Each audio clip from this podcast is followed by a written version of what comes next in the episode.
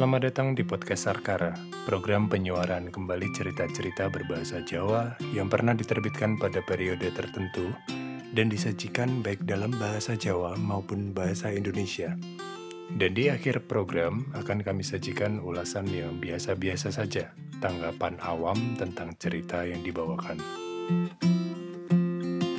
Pada episode ini akan kami bawakan sebuah cerita, masih kami ambil dari Joko Lodang, dengan judul Sesambat Kesambit yang ditulis oleh Usman Setiadi dan diterbitkan oleh Joko Lodang nomor 39 Februari 1995. Senajan aku durung tahu merui lelembut, nanging aku percaya yen jenis makhluk kuwi ana tenan.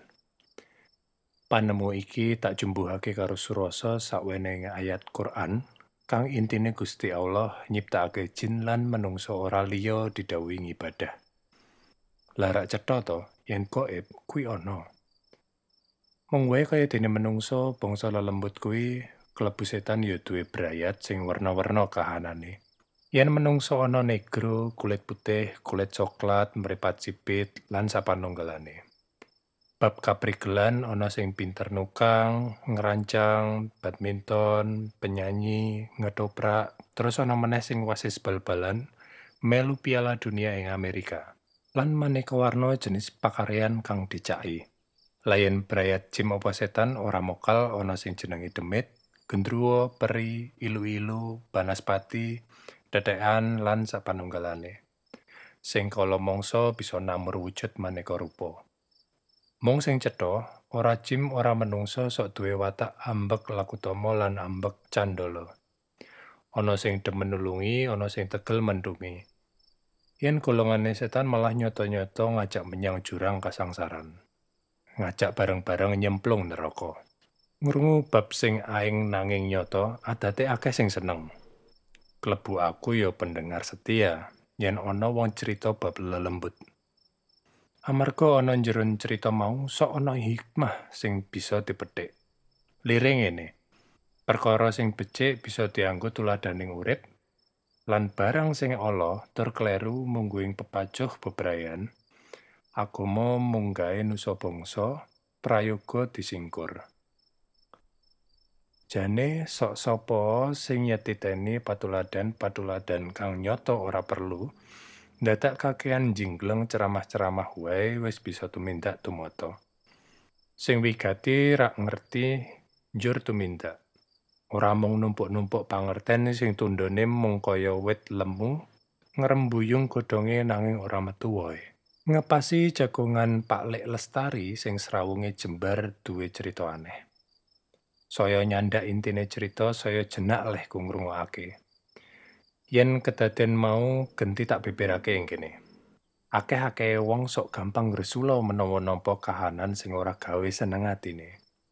Kelatu anyel sok sambat sebut ngalualah sauni-unine. Yen diarani wong sing kurang bisa syukur adaan malah serik nanging nyatane ya ngono. Ora beda sing ditindakake Mbok Siti bakul emping milinju. Senajan bisa bakulan, nanging entuke bathi mung sithik. Ora nyukupi kanggo mangan wong sak brayat. Ganti dina ora tambah mulya ning malah tambah nelongso. Batine gugat marang pangeran. Wes setiar nyambut gawe ngoyoyo, Gusti Allah kok orang luberi rejeki. Njur nang endi dununge adil. Dina kuwi Mbok Siti oleh mulih nganti surup.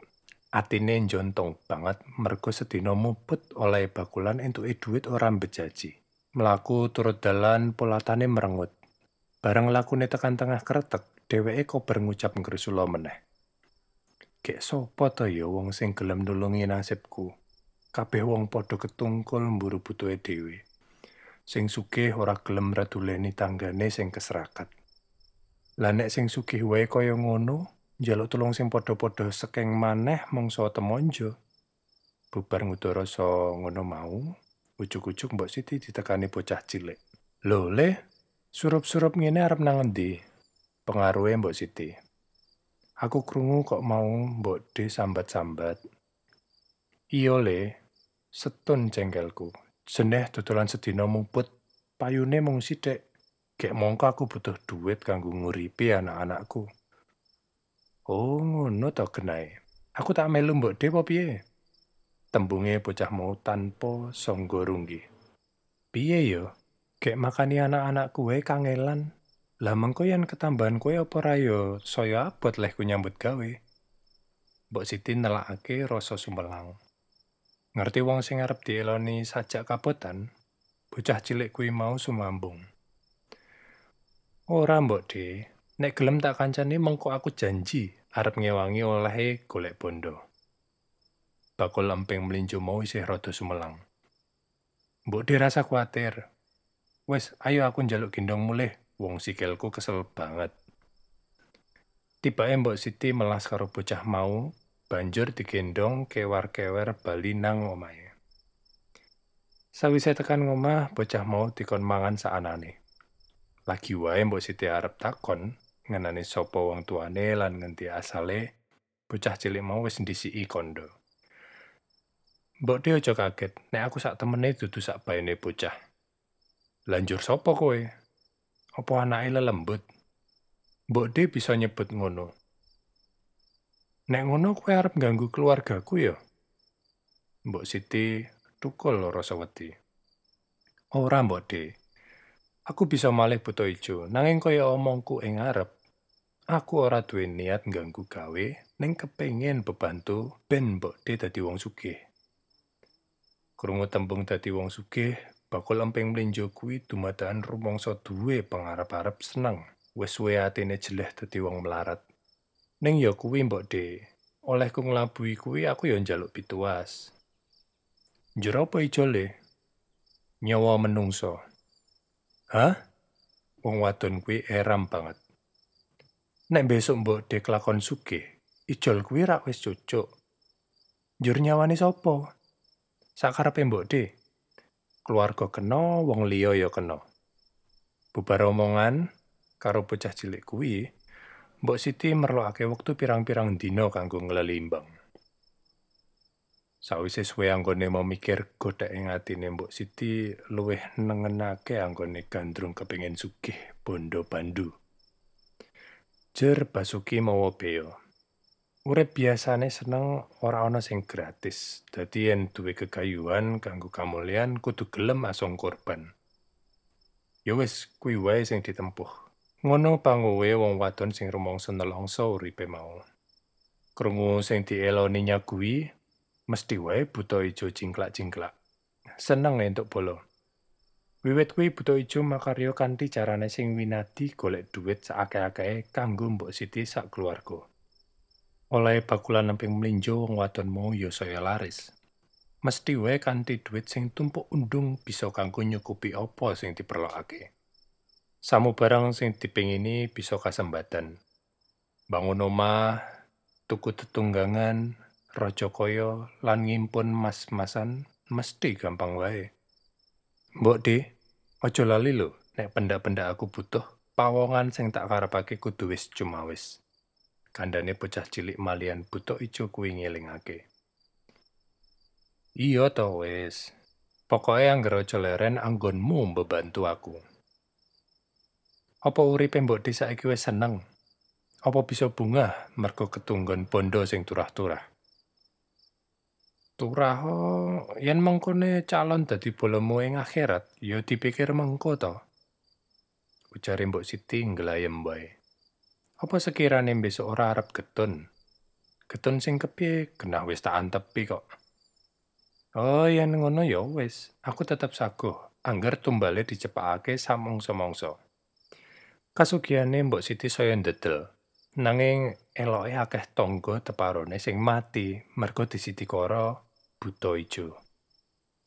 Wong-wong ora bisa mitayakake kanthi sanyatane, mung kedadian kuwi kaya-kaya wis dadi kemaklumane wong-wong kono. Ngrembug babagan lembut mesti angel yen kudu bisa nyumurupi kanthi terang trewaca. Tekan semono Pak Lek Lestari nggone ngudal cerita. Ewas mono yen kita gelem dudut prolampita bisa entuk hikmah sing pikuno. Katone pancen kurang becik, menawa kita nandhang sengsara banjur ngundumono kahanan sing ateges nyono lan nganggep ala kersaning pangeran. Pira-pira kudu setiar amrih bisa nampa kanthi ikhlas jer panandhang mau ora liya mujudake saweneng pacoban. Yen njaluk pitulungane liyan utawa sakliyane pangeran kang maha kuwasa, bisa uga nalika sesambat dadi kesambit. Lire setan utawa lelembut mitulungi nanging mengkone didaftar dadi rombongane. Kamangka yen wis karoban bondo, angel kepara awel anggone uwal.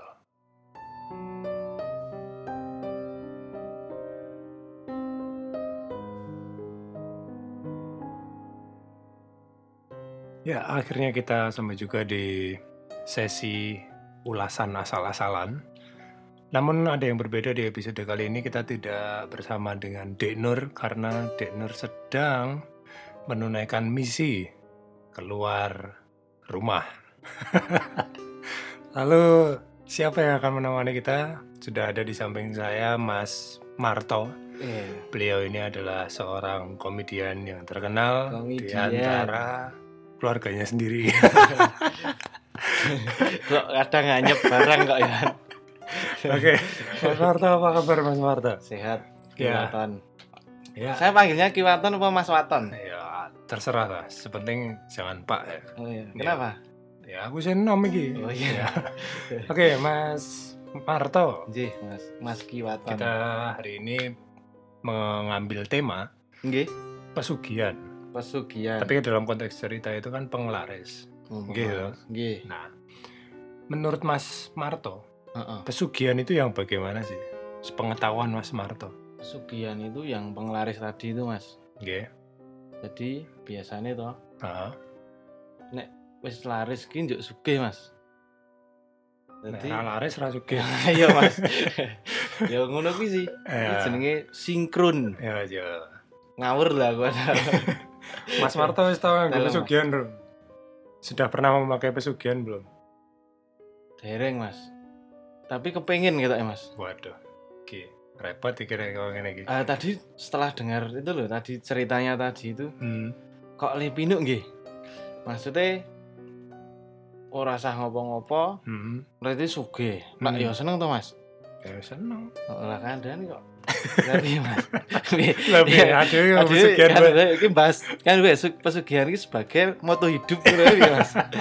Itu seru ini, Mas. Wah, iki ra bener nek kabeh aku pesugihan sugih kabeh negara makmur. Oh, alhamdulillah Ya, toh ya jenenge wong dora njuk do apa ya gontok-gontokan. Wong ya wis do sugih kabeh. Ndak kuwi sakjane ya solutif to, Mas. Lah piye? Niki negara Bisa mengangkat kemiskinan. ya. Asli. Iya. Piye, Mas? Piye apa ade bahasane diwalik ya piye, Mas? Itu eh seru lho, Mas. Mas Marto iki, menurut pengalaman jenengan, Nggih. misalnya pernah nggak sih menemukan atau mencoba sebuah makanan atau beli sesuatu itu tuh kalau dibawa pulang itu rasanya sudah tidak enak kan katanya kalau Ya. bisa pakai penglaris kan kayak gitu Iya mas, saya dulu pernah lu waktu nganu jajan tuh mas di warung bakso yang situ yang Tandeso itu loh mas, Ah. sing kita sok jajan di sana itu loh, masa sih. Wih, situ lalen nih, iya iya. Sing sok situ ngutil nganu tahu bakso limo ngaku luru itu loh mas, SMA banget. Ya ya itu, ya wes. itu kan nganu toh, jaru itu sing nyaring ranggo sempak gitu mas. Wih, aku penasaran, nengin ayo, nek tak pak, tak tak tak ya, isen satu toh mas. Ah, Wah yo kuwi. Lah nek ranggo sing Pak rak yo isis malah. Lho sing sok kadang. sebentar gitu berarti kan logikanya Oh. Nah, misal kita mendengar hal semacam itu jadi gini tadi Iya. ada ceritanya tuh uh, sebuah warung bakso ketika apa Tapi tenanan ketika membuat bakso itu Ah, ah. kuahnya gitu, terutama Oh, tuh duduhnya itu- itu sing nyaring nganggo sempak gitu iya. Itu di Indonesia ini apa ya Mas? Yang nyaring pakai celana dalam gitu ya. ya, Mas. berarti kan nah, logikanya pemikiran kita Iya. kui menyaring kuahnya dengan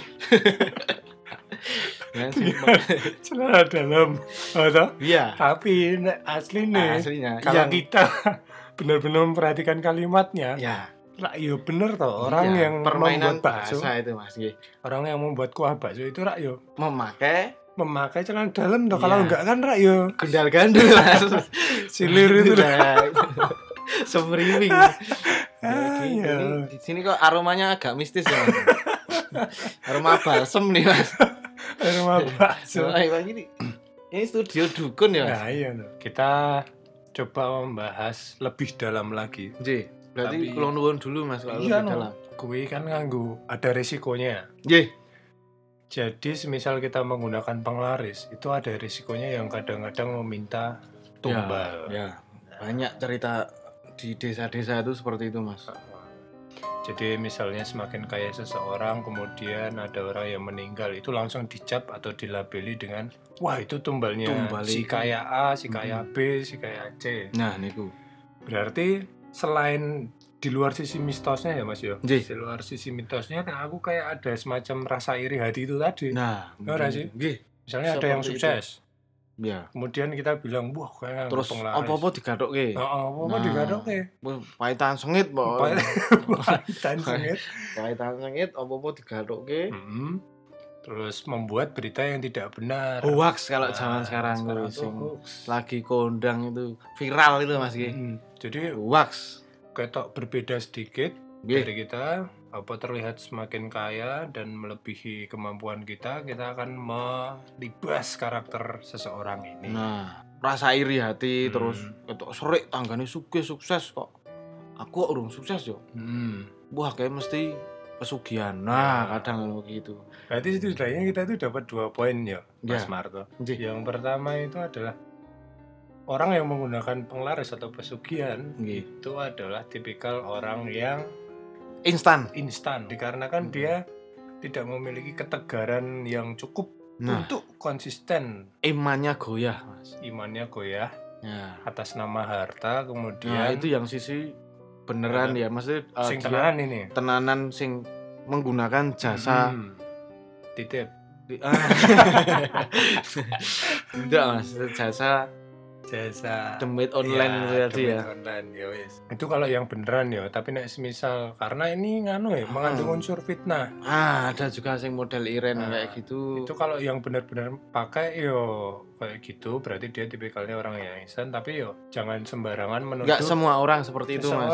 Leres kadang dulu. tuh kita tidak mengetahui proses yang telah dilalui orang ini untuk menjadi manusia yang diharapkan. Nah, kadang Bener. proses tuh yo jatuh bangun namanya Nah, iya, manusia itu kayak Usaha. ibarat roda itu Hmm. ada kadang di atas, kadang di Hmm. bawah. Kadang ya ngembos juga tuh, Mas. Nah, manusia kan seperti itu. Nah, Orang yang menilai itu kadang nggak sadar kalau roda itu berputar, Mas. Yes, nah, yes. nah, kemudian yang kedua, HP dicoblos, Mas. mau kira kita membahas Apa, Mas? eh, instan tentang ketidakkonsistenan. Berarti lebih ke eh, sekarang ke anu ya, sisi yang negatif dulu ya, maksudnya yang Ah, memakai jasa itu ya. mm, jasa mau. Terus yang yang kedua itu kan iri hati. Nggih. Istilahnya fitnah, Mas. Nah, Belum fitnah. terbukti wis ngarani. Nah, dan kemungkinan sangat apa memiliki kemungkinan sangat kecil untuk dibuktikan karena mau ngerasan-rasan nah, oh iya. Terus kadang obong-obong tanggane Mhm. nyebar hoax Mm-mm. sesuatu sing sebenarnya itu fitnah seakan-akan jadi beneran karena Iya. diamini banyak orang. Nah, Wah, itu loh. apa ini ilmu ini Cak. Ilmu itu Ilmu saya. Saya boh habis ini lupa saya. jadi sebuah kebenaran itu bisa dibentuk Nah. atas dasar repetisi pengulangan Wah, ini ini disebarkan ilmu Apa? baru lagi. diulangkan hingga akhirnya membentuk seperti- sebuah kebenaran Nah, sama seperti saya kuliah dulu itu yang namanya budaya, Mas. nah, Iya. pomen nek wis dianggap bener Nggih. ya wes kuwi bener disepakati tentu. disepakati banyak orang wis. Mm. sama ya kasusnya sama seperti bakul bakso tadi itu tapi masih masih ada yang beli loh masih warung ada bakso itu. Nah, ya yang itu loh yang beli tuh yang doyan gado sembang itu kayaknya seperti itu sih ya terus nggak mulai mulai nggak rame itu loh mas mulai nggak rame efek yang sangat parahnya itu kan terus dia sudah Bangkrut. di buang sudah dilabeli jelek Hmm. Hmm. terus kalau bangkrut kalau mentalnya nggak jadi itu bisa gila mas wah ya bener pol-polnya bisa bunuh diri. Nah, Nah. itu cuma gara-gara perkataan orang. Seperti itu. Wis dua poin sudah kita dapatkan Nah. dari cerita tentang pesugihan penglaris ini. Yang pertama adalah kita wajib berusaha Mm. dengan apa ya didasari dari usaha kita sendiri Iya. untuk meraih sesuatu. Jangan tergiur terhadap iming-iming Oke. pesugihan itu cepat laris, cepat kaya, Nah, tidak perlu. Terus yang kedua gue jangan mudah iri hati cah. Nah itu itu Ada? penting sekali itu Wes nek serik meneng wae mending. Kalau iri dibatin hati wae iku baru mangkal dhewe. iya dibatin kemudian meratapi nasib ya wis dhewe wae rasa di biasa jomblo. Wah. Tekan kono. Ranti dit, ranti yang. Jadi begitu Begitu. kita dapatkan. Terima kasih Mas Marto sudah Sampai-sampai. berkenan ke sini. Waton. Semoga tidak kapok. Oh tidak. Dan semoga kita ada kesempatan lagi untuk ngobrol raja dowo yang ini guys. Siap, Mas. Iya, Terima kasih.